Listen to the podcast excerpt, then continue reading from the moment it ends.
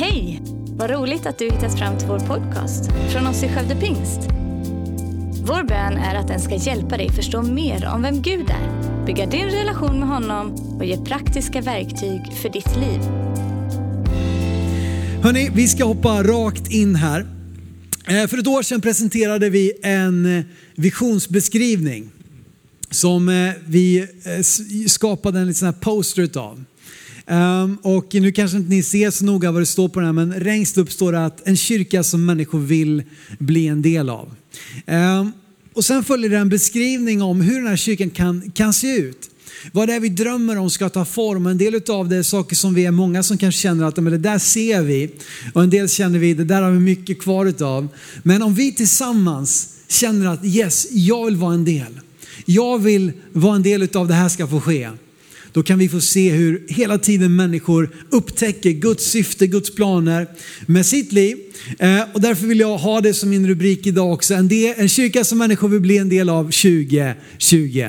Kanske man tänkte, ja men kyrkan det var väl något som hörde till en viss tid. Någonting som var stort på 50-talet, 20-talet, 1800-talet, jag vet inte vad. Men vet du vad, jag tror att kyrkan har det unika i sig att oavsett vad som är rådande kultur och samtid så kan kyrkan vara relevant i sitt budskap i varje tid, i varje kultur, i varje land, på varje språk. Så har den här boken någonting att säga till varje människa som är beredd att lyssna. Eh, och jag tror att vi som kyrka ska vara en plats där människor upptäcker detta. En del utav den här eh, visionsbeskrivningen, den andra paragrafen, är det jag skulle vilja försöka fokusera på idag. Och där står det så här, vi har skrivit då, hur är den här kyrkan som vi eh, tror att människor vill bli en del utav? Det står så här, en kyrka som hålls samman av äkta relationer och en gemensam överlåtelse till ett syfte som är större än våra egna liv. Som inte främst förknippas med en byggnad utan människor som är fyllda av den helige ande och sprider en atmosfär av kärlek, glädje och frid. Ett stort team av Jesusföljare som lever i bön och lovsång och bär en smittande tro att för Gud är allting möjligt. Wow! Vilket gäng, ett sånt gäng vill jag vara en del utav. Eh, och det är det vi vill se ta form eh, eh, i den här kyrkan.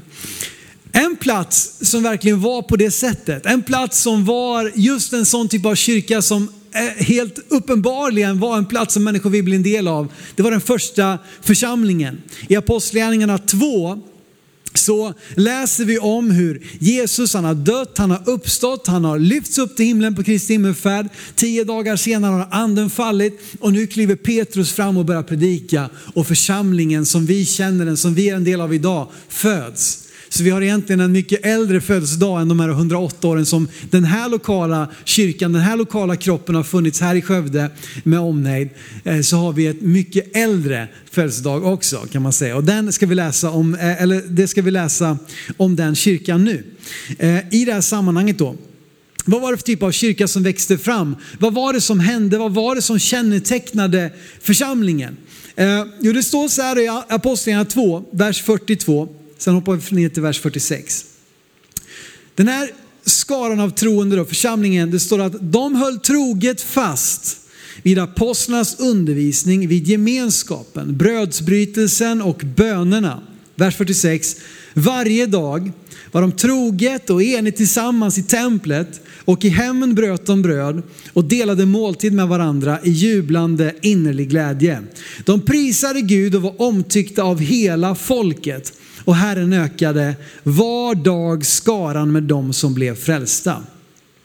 Här var precis en sån grupp av människor som var överlåtna till någonting gemensamt, till en gemensamt syfte som var större än deras egna liv. Nämligen Guds syften, Guds planer. De, de var samlade runt, eh, eh, runt undervisningen, gemenskapen, nattvarden och bönerna.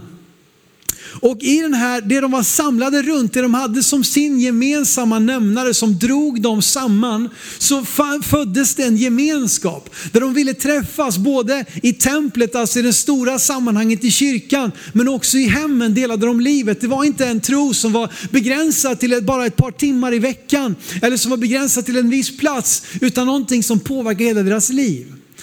Och det här gemenskapen som växte fram både i templet och i hemmen var så pass attraktivt att människor tyckte om dem. De var omtyckta av allt folk i storyn. Det stod inte att de var, de höll sig på sitt hörn, de var en, en grupp med udda fåglar som folk, folk inte fattade vad de höll på med. Nej, de var omtyckta av allt folket och människor ville bli en del av det. Eftersom att var dag ökade skaran av de som blev frälsta. Det var någonting i den här miljön som skapade, eller den här församlingen som skapade en hälsosam miljö. För att vet du vad, det som är hälsosamt det växer. Kanske hört mig säga det förut eller någon annan. Det som är hälsosamt det växer. Så när vi längtar efter tillväxt, när vi längtar efter att det ska växa i våran familj, i, våran, i vårat företag, på vår arbetsplats, i vår kyrka. Så är det så lätt att tänka på det där resultatet. Och vi fokuserar på resultatet på ett sånt sätt att det blir osunt eller vi får kramp, vi känner press. Men om vi istället fokuserar på hälsa, på att det ska vara hälsosamt, ja men då kommer tillväxten, frukten som ett resultat utav hälsan. Och det här tror jag är en sån nyckel för att få se kyrkan bli det och vara det som Gud har tänkt att den ska vara. Jag skulle nu vilja bara skifta fokus till en vers som jag tycker beskriver, lär oss en del sanningar i hur vi kan forma en sån kyrka. Hur vi kan, hur vi kan bli en sån kyrka, nämligen ifrån första Samuelsboken 16 och vers 7. Och du kanske tycker att det här var ett, ett liksom stort hopp. Ja, men det kanske det var. Men jag tror att du kommer se det jag ser i den här versen och det här budskapet lite längre fram här. Jag ska läsa från första Samuelsboken 16 och vers 7. Här är det så att, eh, eh, eh ja, storyn är, kontexten är i alla fall att profeten Samuel har gått till eh, Isais hus för att smörja nästa kung, nämligen David. Och i den här eh, storyn så bara tar vi ut en vers och så läser vi eh, från vers 7 då. Det står att Herren sa till Samuel, se inte på hans yttre och hans resliga gestalt. Jag har förkastat honom. För det går inte efter vad en människa ser. En människa ser det som är för ögonen, men Herren ser till hjärtat. Det här är en bibelvers som, som bär på flera viktiga sanningar. Jag ska utveckla dem alldeles strax, men tre sanningar. Att det, det, det står här att människor ser det yttre först. Det är, en, det är, en, liksom en, en sanning som konstateras här. Människan ser det som är för ögonen. En annan sak jag tänker på är att yta är ingenting utan innehåll. Eh, och det sista jag tänker på är att Gud ser ditt hjärta.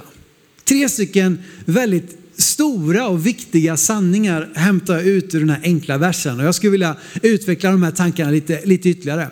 Människor ser det yttre först. Förhoppningsvis kan vi som människor eh, lära oss att inte bara döma efter det yttre. Men det är så, medvetet eller undermedvetet, att vi alltid ser det yttre först. Ofta har vi använt det här bibelordet som jag just läste för att konstatera att Gud ser till våra hjärtan. Och det är helt sant. Det har kommit till det lite längre fram. Men vi har kanske ibland haft det som en ursäkt för att inte bry oss om det yttre tänka, ja ja strunt samma, människor ser det yttre men Gud ser till hjärtat.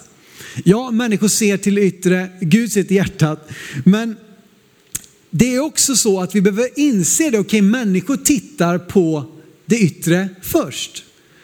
Och det innebär alltså att vi behöver tänka på hur vi uppfattas, hur det ser ut. Du har säkert hört uttrycket att vi får ingen andra chans att göra ett första intryck. Det är en sån här, eh, there's no second chance to make a first impression. Det låter alltid häftigare på engelska, jag vet inte varför. Och sen då som uppföljning kan man tala om hur, hur lång tid har vi på oss att skapa ett första, eh, eh, ett första intryck? 60 sekunder, oj, 30 sekunder. 7 sekunder är en vanlig använd siffra för hur lång tid vi har på oss att skapa ett första intryck. Och vet du vad?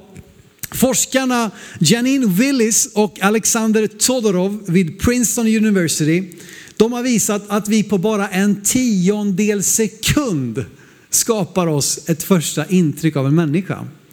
Eh, och eh, det är ganska intressant alltså. På en tiondel sekund, om vi får se en bild på en människa en tiondel sekund, så kan vi utifrån den korta, korta glimten skapa en uppfattning om det här är en människa att lita på, om det är någon som vi liksom tycker verkar trevlig, om vi har förtroende, om de verkar kunna vad de håller på med och en mängd andra frågor då som de ställde till alla de här som var med i den här studien. Det här kan ju kännas ganska stressande. Hur ska jag, hur ska jag lyckas göra ett gott intryck på en tionde sekund? Eh, eller ens sju sekunder? Hallå! Det, det känns ju omöjligt. Och så kan man känna, och det är inte min poäng här, men man kan ju också känna tvärtom. Wow! På bara några få sekunder kan vi göra att en människa får ett gott första intryck. Det där första intrycket som ofta lever kvar ganska länge. För vad man gjorde i den här forskningsstudien det var att man jämförde sen då om de här personerna fick titta på samma bild längre. Förändras deras intryck? Är väldigt ofta var det ganska likt det där första tionde sekunden även om de kände ju mer de fick titta på det att de litade mer på sin bedömning än vad de kanske gjorde efter en tionde sekund. Men jag tänker så här att det är något positivt. Vi kan med bara några få sekunder skapa ett gott intryck. När det kommer till oss personligen så handlar väldigt, väldigt mycket om vårt kroppsspråk. Det är alltså väldigt lite vad vi säger utan vad vi signalerar med hela vårt kroppsspråk. Och vill du ändra ditt kroppsspråk så ska du ändra din attityd. Därför att våra kroppsspråk speglar väldigt mycket den attityden vi bär på. Och nu ska du få eh, retorikexperten eller kroppsspråkexperten sex stycken snabba tips till hur du kan få ett, ett, ett trevligare kroppsspråk. För det första då, ändra din attityd för att ändra ditt kroppsspråk. Tänk på din hållning. Lyft upp axlarna, dra dem bak mot öronen och släpp ner axlarna. Då har du en schysst hållning att möta en människa med. Le Vet du vad, det finns inget annat ansiktsuttryck som människan är programmerad att tycka om så mycket som ett leende, oavsett vem du möter. Se människor i ögonen, men inte för länge. Det är viktigt. Alla svenskar sa amen. Liksom, du vet, det, är, det är någonting med barn som gör att barn kan man titta på hur mycket man vill och de kan titta tillbaka och då blir det lite creepy ibland. Men att se människor i ögonen, det bildar ett, det skapar ett, ett, och kombinerar du det med ett lite större leende, då har du liksom en win-win situation. Det sista tipset här från kroppsspråkexperten är att luta dig in lite grann. Men inte för nära. Det är viktigt. Här får du bedöma liksom. Om du är ute i vårt campus i Södra Ryd, då vet du att inte för nära, det är mindre än 10 centimeter. Fram tills dess är det helt okej. Okay. Fråga Emad och Naima, våra campusledare där. De, man får gärna stå nära och gärna ta i varandra. Nu i corona så får vi hålla lite avstånd. Men det signalerar att jag bara lutar mig fram lite grann. Det signalerar att jag är intresserad. Och jag skojar lite om det här och det här handlar ju såklart, men Faktum är att de här, det här är saker som vi alla kan fundera över. Inte att vi ska klistra på oss någonting, att vi, okej okay, jag ska göra så här, jag ska sträcka på mig bak med axlarna, le, ögonkontakt. Det känns jättenaturligt det här liksom, nej. Eh, var dig själv. Men tänk också efter vad det är du signalerar. En av våra församlingsledare, Caroline Hägglund, hon brukar säga att när hon kommer till kyrkan eller när hon ska gå in i ett möte med en annan människa brukar hon alltid förbereda sig innan det. Det kan räcka med kanske bara en minut eller en lite längre stund och bara fundera. Jag vill komma förberedd till det här mötet med människor. Jag vill kunna komma med energi, jag vill kunna se människor, jag vill kunna bry mig om dem. Och jag tror att det är så sunt. Därför att människor ser det yttre först. Studier visar att generation Z, den, den senaste generationen man har, man har benämnt, och de som är födda från 96 och framåt, de som inte kommer ihåg 9-11 personligen, eh, de eh, bestämmer i väldigt hög utsträckning första dagen på jobbet om de ska vara kvar eller inte. Så företag som är dåliga på ett, att eh, liksom introducera en ny medarbetare kan gå, kan gå miste om de duktigaste, bästa, mest motiverade bara för att man slarvade första dagen eller första veckan. Jag tror det här gäller också för oss som kyrka. Väldigt ofta tror jag vi har inte mer än en söndag på oss, eller vi har inte mer än en livesändning på oss att skapa ett gott intryck. Vi behöver tänka på det här. Därför är det alltid viktigt att ha ett gott värdskap. Att det är rent på toaletten, att det är levande ljus på borden eller kanske sådana här batteriljus för att inte riskera någonting dumt då. PK-polisen om det fanns någon sån där ute så. Använd batteriljus. Du vet, varje söndag vill vi göra så att det är smidigt för familjen att komma. Att man känner sig, det, det ska inte vara svårt att komma hit med barnen. Varje söndag måste predikan säga någonting som jag kan ta till mig. Varje söndag måste lovsången locka mig in och inte skrämma mig bort. Därför att vi har kanske bara en chans. Ytan, paketeringen signalerar värdet på innehållet. Köper jag en dyrbar ring så vill jag inte att den bara slängs ner i någon, någon liksom gammal ICA-kasse. När jag förväntar mig att det ska komma en liten sammetsask med vadderad insida, att det ska slås in i ett noga utvalt papper och bli en rosett med sidenband. Varför?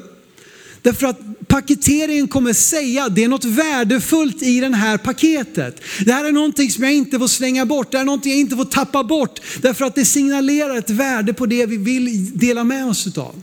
Men om du ser en svart sopsäck liksom ligga slängd i ett hörn på ett, på ett rum, då kommer du tänka det är skräp, jag kan gå och slänga det.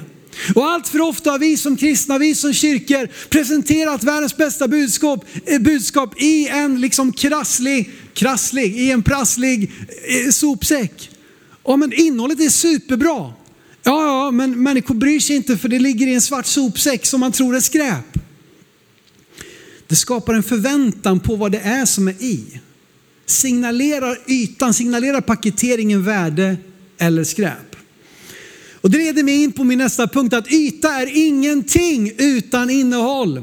Paketering är all ära, men är det ingenting i så spelar det ingen roll. Om det är något som människor längtar efter idag tror jag så är det äkthet. Så du kan inte liksom bara ta de här sex stycken tipsen från kroppsspråksexperten och tänka nu kommer alla tycka om mig för att de märker om det inte kommer inifrån.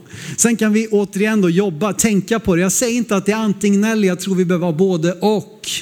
Vi behöver ha både en paketering som signalerar ett värde, men det måste vara innehållet som är det mest väsentliga, det som vi satsar mest på. Du vet, annars blir det som Jesus säger om de skriftlärda. Han säger att ni är som vitkalkade gravar, inuti är det bara döda ben. Det ser fint ut, det är putsat och fejat på utsidan men inuti är det ingenting. Inuti är det kaos, inuti är det skräp. De sista månaderna har jag pratat med många av er som är med och firar med gudstjänst med oss nu via en skärm. Eh, och naturligtvis är det annorlunda, men det har ändå varit så värdefullt att prata med många av er. Många har liksom berömt att, ja men vad, vad fräscht det är, vad snyggt det ser ut. Det, det är så bra kvalitet. Och det är det verkligen. Jag, alltså all eloge, all heder åt alla de som lägger ner så mycket tid. Det, vi kommer, vi bara trycker på play och förväntar oss att det ska funka. Men bakom det där enkla knapptrycket så finns det timmar, arbetsveckor av människor som ideellt har lagt ner både tid, pengar, resurser för att det bara ska vara ett enkelt knapptryck och att ljudet låter bra, att bilden är, är snygg, att, att ljussättningen sitter, att skärpan är den ska. Och det tycker jag att vi ska uppmuntra, absolut. Men det, det finaste och det mest värdefulla responsen jag har fått av er jag har pratat med, det är de som har sagt att, att jag, jag förstår inte hur ni gör det, det känns så äkta. Det, och jag säger inte det för att skryta om mig själv nu, men det, det är det mest värdefulla. Man säger att man känner er glädje ända hem i vardagsrumssoffan. Eh, och det är flera av er oberoende av varandra som har uttryckt det på ungefär det där sättet. Att det är innerligt. Och det, alltså, jag, skulle ha, jag skulle hellre ha den sämsta streamen i hela Skaraborg. Och det vill inte säga lite. Eh, och att det, är ett, att det är ett äkta värdefullt innehåll än tvärtom. Sen om vi kan kombinera, då har vi en bra kombination. Du vet att allt det vi gör måste bottna i det jag predikade om för två veckor sedan, vad Jesus har gjort för oss och vad Jesus har gjort i oss. Att det är det som kommer fram. När man öppnar det där paketet, sidenrosetten släpps och man, liksom, man kommer in och man känner wow, det är någonting. Hur, hur kan de titta på mig med sån värme? Hur kan de Liksom, det är lovsång nu och de verkar ju verkligen, det är inte bara att de sitter och lyssnar här på någon som står och sjunger där framme utan de omkring mig, de, de verkar ju tro på det här. Och man känner att det är någonting under ytan, under paketet som, som, som är så där värdefullt som det verkar vara. Den gudstjänst som vi är stolta över kommer underlätta för oss att bjuda med till. Och det kan få en människa att komma hit eller få en människa att, att trycka på play. Men det som får en människa att stanna är om man finner gemenskap och mening. Inte bara gemenskap, det kan man få nästan, eller det kan man få på ganska många platser. Bridgeklubben, krogen, lite andra ställen. Där kan man hitta gemenskap, även om man kan diskutera olika typer av gemenskap. Men att både kunna bjuda in till en gemenskap som har mening. Där har vi som kyrka någonting att erbjuda. Låt oss läsa igen det jag läste i början. En kyrka som hålls samman av äkta relationer och en gemensam överlåtelse till ett syfte som är större än våra egna liv. Som inte främst förknippas med en byggnad utan människor som är fyllda av den helige ande och sprider en atmosfär av kärlek, glädje och frid. Ett stort team av Jesus-följare som lever i bön och lovsång och bär en smittande tro att för Gud är allting möjligt i Jesu namn. Ingen kyrka är starkare än de människor som utgör den. Ja, men vad är det du säger Simon? Det handlar väl inte om oss? Det handlar väl om vad Jesus har gjort för oss? Det handlar väl om att, att för Gud är allting möjligt? Ja, det är det. Men vad, vad, det, det, är liksom inte det som är problemet när vi ser kanske kyrkor som, som minskar eller som försvinner eller som inte expanderar eller som inte relaterar. Utan det handlar ju om att det där som Gud har gjort, att det Jesus har gjort för oss och i oss börjar också strömma genom oss. Att vi får tag om vad han har gjort så att vi blir en grupp människor som är överlåtna till att leva ut det som Jesus har gjort för oss. Att tillåta Guds ord, närvaro och kärlek genomsyra våra liv på ett sådant sätt så att människor ser Jesus i och genom oss. Du vet att vi kan inte stanna vid en slags plattforms och kändiskristendom som handlar om vilket lovsångsband som säljer flest skivor eller vilken predikant som är våran favorit.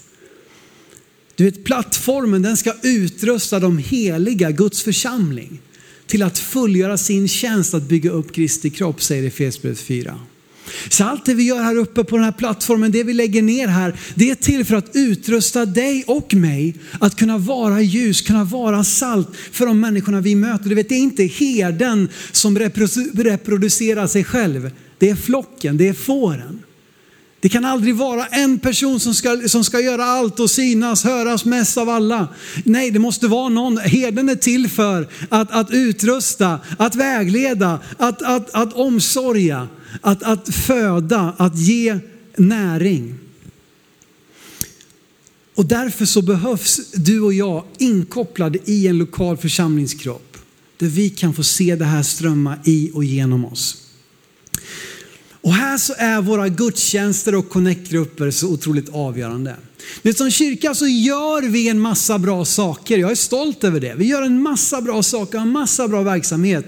Men vi är en kropp som samlas till gudstjänst och i connectgrupper. Vi gör en massa saker men vi är en kropp som samlas till, till gudstjänst och i connectgrupper. Templet och hemmen. Söndagen och vardagen. Det stora och det lilla gemenskapen. Våra gudstjänster och connectgrupper utgör själva kroppen. Och när vi firar gudstjänst så har jag en bön att det skulle vara så att connectgrupperna, alltså de, de små grupperna som möts i vardagen, kommer samman i den stora gemenskapen för att fira gudstjänst. Du vet, ofta kan gudstjänsten bli det första mötet med kyrkan och då kan Connect-gruppen erbjuda ett nästa steg i lärjungaskap och in i en mer personlig gemenskap. Ganska, kanske lika ofta så kan Connect-gruppen vara det första steget in i kyrkan. Det var lite mer bekvämt, lite mer avskalat att komma hem till någons hem. Och sen kanske det gör att jag vågar komma till den stora gudstjänstgemenskapen. Eller vågar komma tillbaka, någon som har glidit bort och varit en del av det stora och försvunnit iväg. Så kan ofta den lilla Connect-gruppen vara en, ett lättare steg att hitta tillbaka in i gemenskapen gemenskapen. Det finns alltid en ursäkt för att inte vara med i en connect-grupp. Det finns alltid en ursäkt för att inte komma på gudstjänst, tro mig, jag har hört dem alla. Och nu liksom, ja men du har ju betalt för att vara här. Jo, jo, visst, det, så kan man se det. Eh, jag gör nog några extra timmar också tror jag, som jag inte har betalt för. Men strunt samma. Eh, det finns alltid en ursäkt och du vet fienden arbetar aktivt med att hålla dig borta ifrån båda två. Han vet vilken kraft som finns i en fungerande lokal församlingsgemenskap. Fienden vet allt om det. Och därför gör han allt han kan för att så splittring, för att tvinga in en kil mellan församlingen så att vi drar åt olika håll. Att dra, hålla dig borta, nej det är ingen som bryr sig om dig, det är ingen som vill ha med dig. Hur kan du vara en del av det när det finns så mycket brist och så mycket fel i den här gemenskapen? Han gör allt han kan för att så en splittring i Guds kropp, i Kristi kropp. Men vårat, vi behöver hålla samman en gemensam överlåtelse till någonting som är större än våra egna liv. Och låta det få bestämma, låta det få vara grunden när jag beslutar mig för vad jag gör med min vecka och hur jag planerar min tid och mitt liv. I Jesu namn. Connectgrupper, jag vet att många av er har dåliga erfarenheter av connectgrupper. Jag har varit med i säkert tre, fyra stycken lite halvknackiga connectgrupper. Och vi jobbade ganska hårt för ett år sedan med att göra det enklare att skapa ett ramverk som gör att det inte är så fyrkantigt att det måste vara två timmar i en soffa varannan onsdag kväll klockan nio eller mellan sju och nio. Många grupper är sådana, God bless them. Många av dem funkar jättebra men en del känner bara, nej fy jag orkar inte med det där. Det går inte, jag hinner inte, jag, jag, liksom det spritter i benen. Jag vet inte alls, det kan vara massa olika orsaker som gör att just det där inte känns som någonting för mig.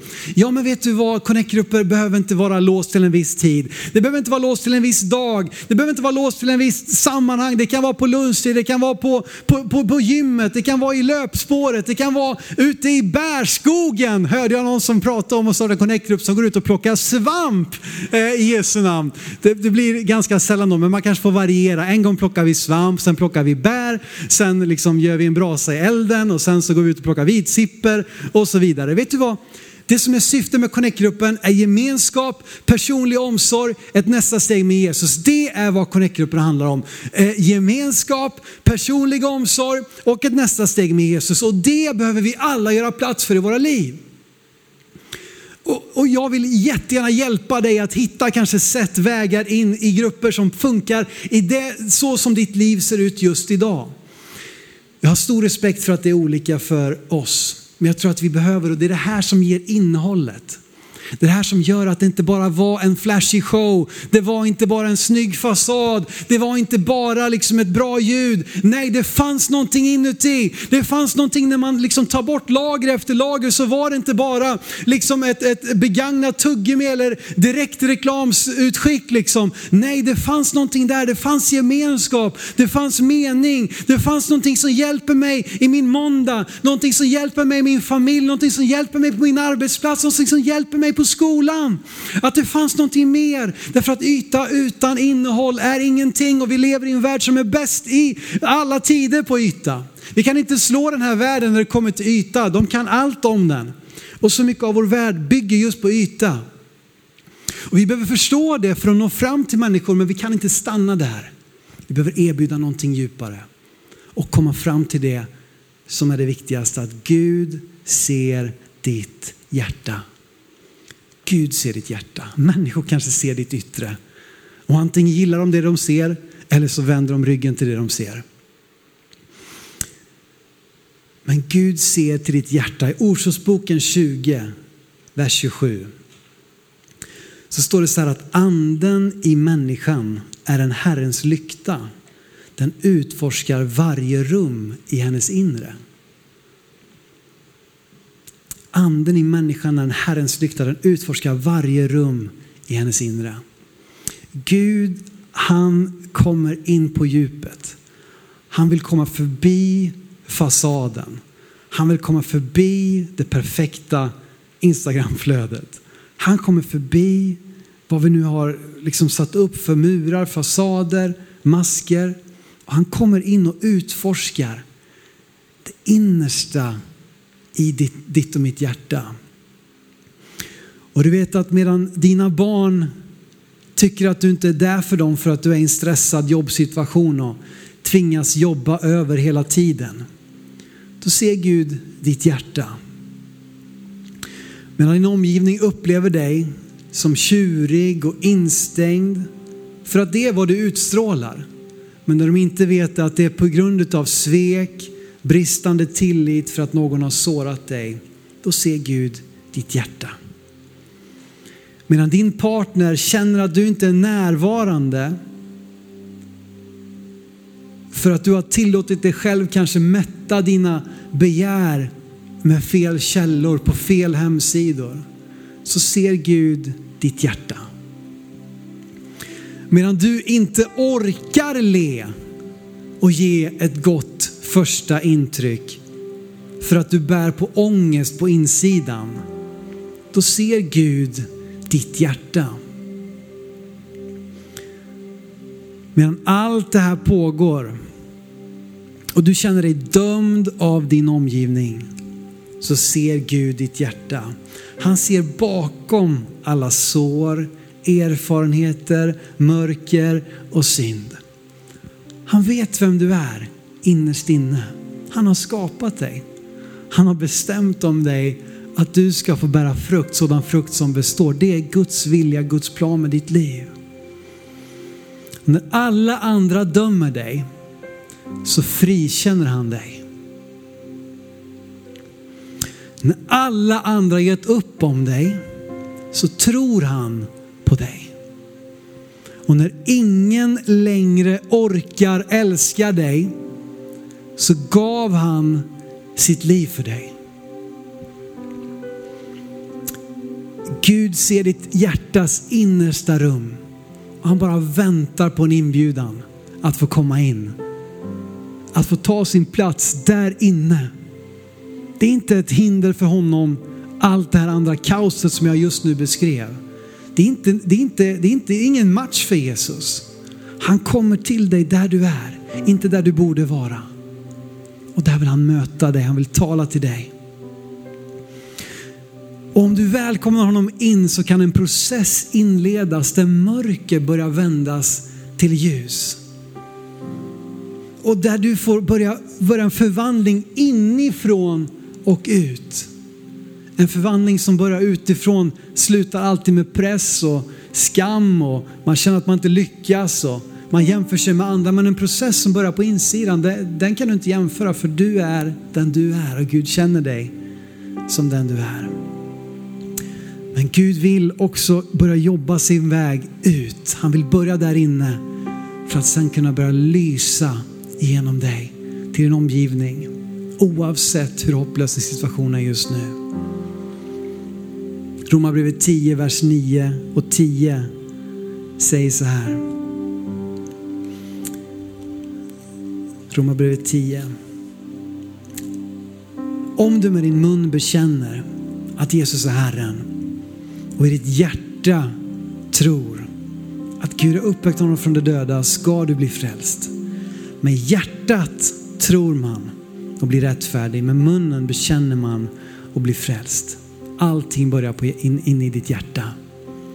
Och idag kan du fatta ett beslut i ditt hjärta och bekänna ut det beslutet med din mun och börja se en förändring äga rum i ditt liv och i din situation. Tack för att du lyssnat. Dela gärna podden med dina vänner och glöm inte att prenumerera så du inte missar nästa predikan. Om du har några frågor eller vill att vi ska be eller tacka för något tillsammans med dig så får du gärna höra av dig till kyrkan skövdepingst.se. För oss är veckans höjdpunkt söndagens gudstjänst och det vore så kul att träffa dig där. Våra team finns då redo att ta emot dig och det finns även egna samlingar för barnen. Du hittar mer information om oss, vilka vi är och våra olika mötesplatser på skövdepingst.se. Gud välsigne dig och ha en fortsatt bra vecka.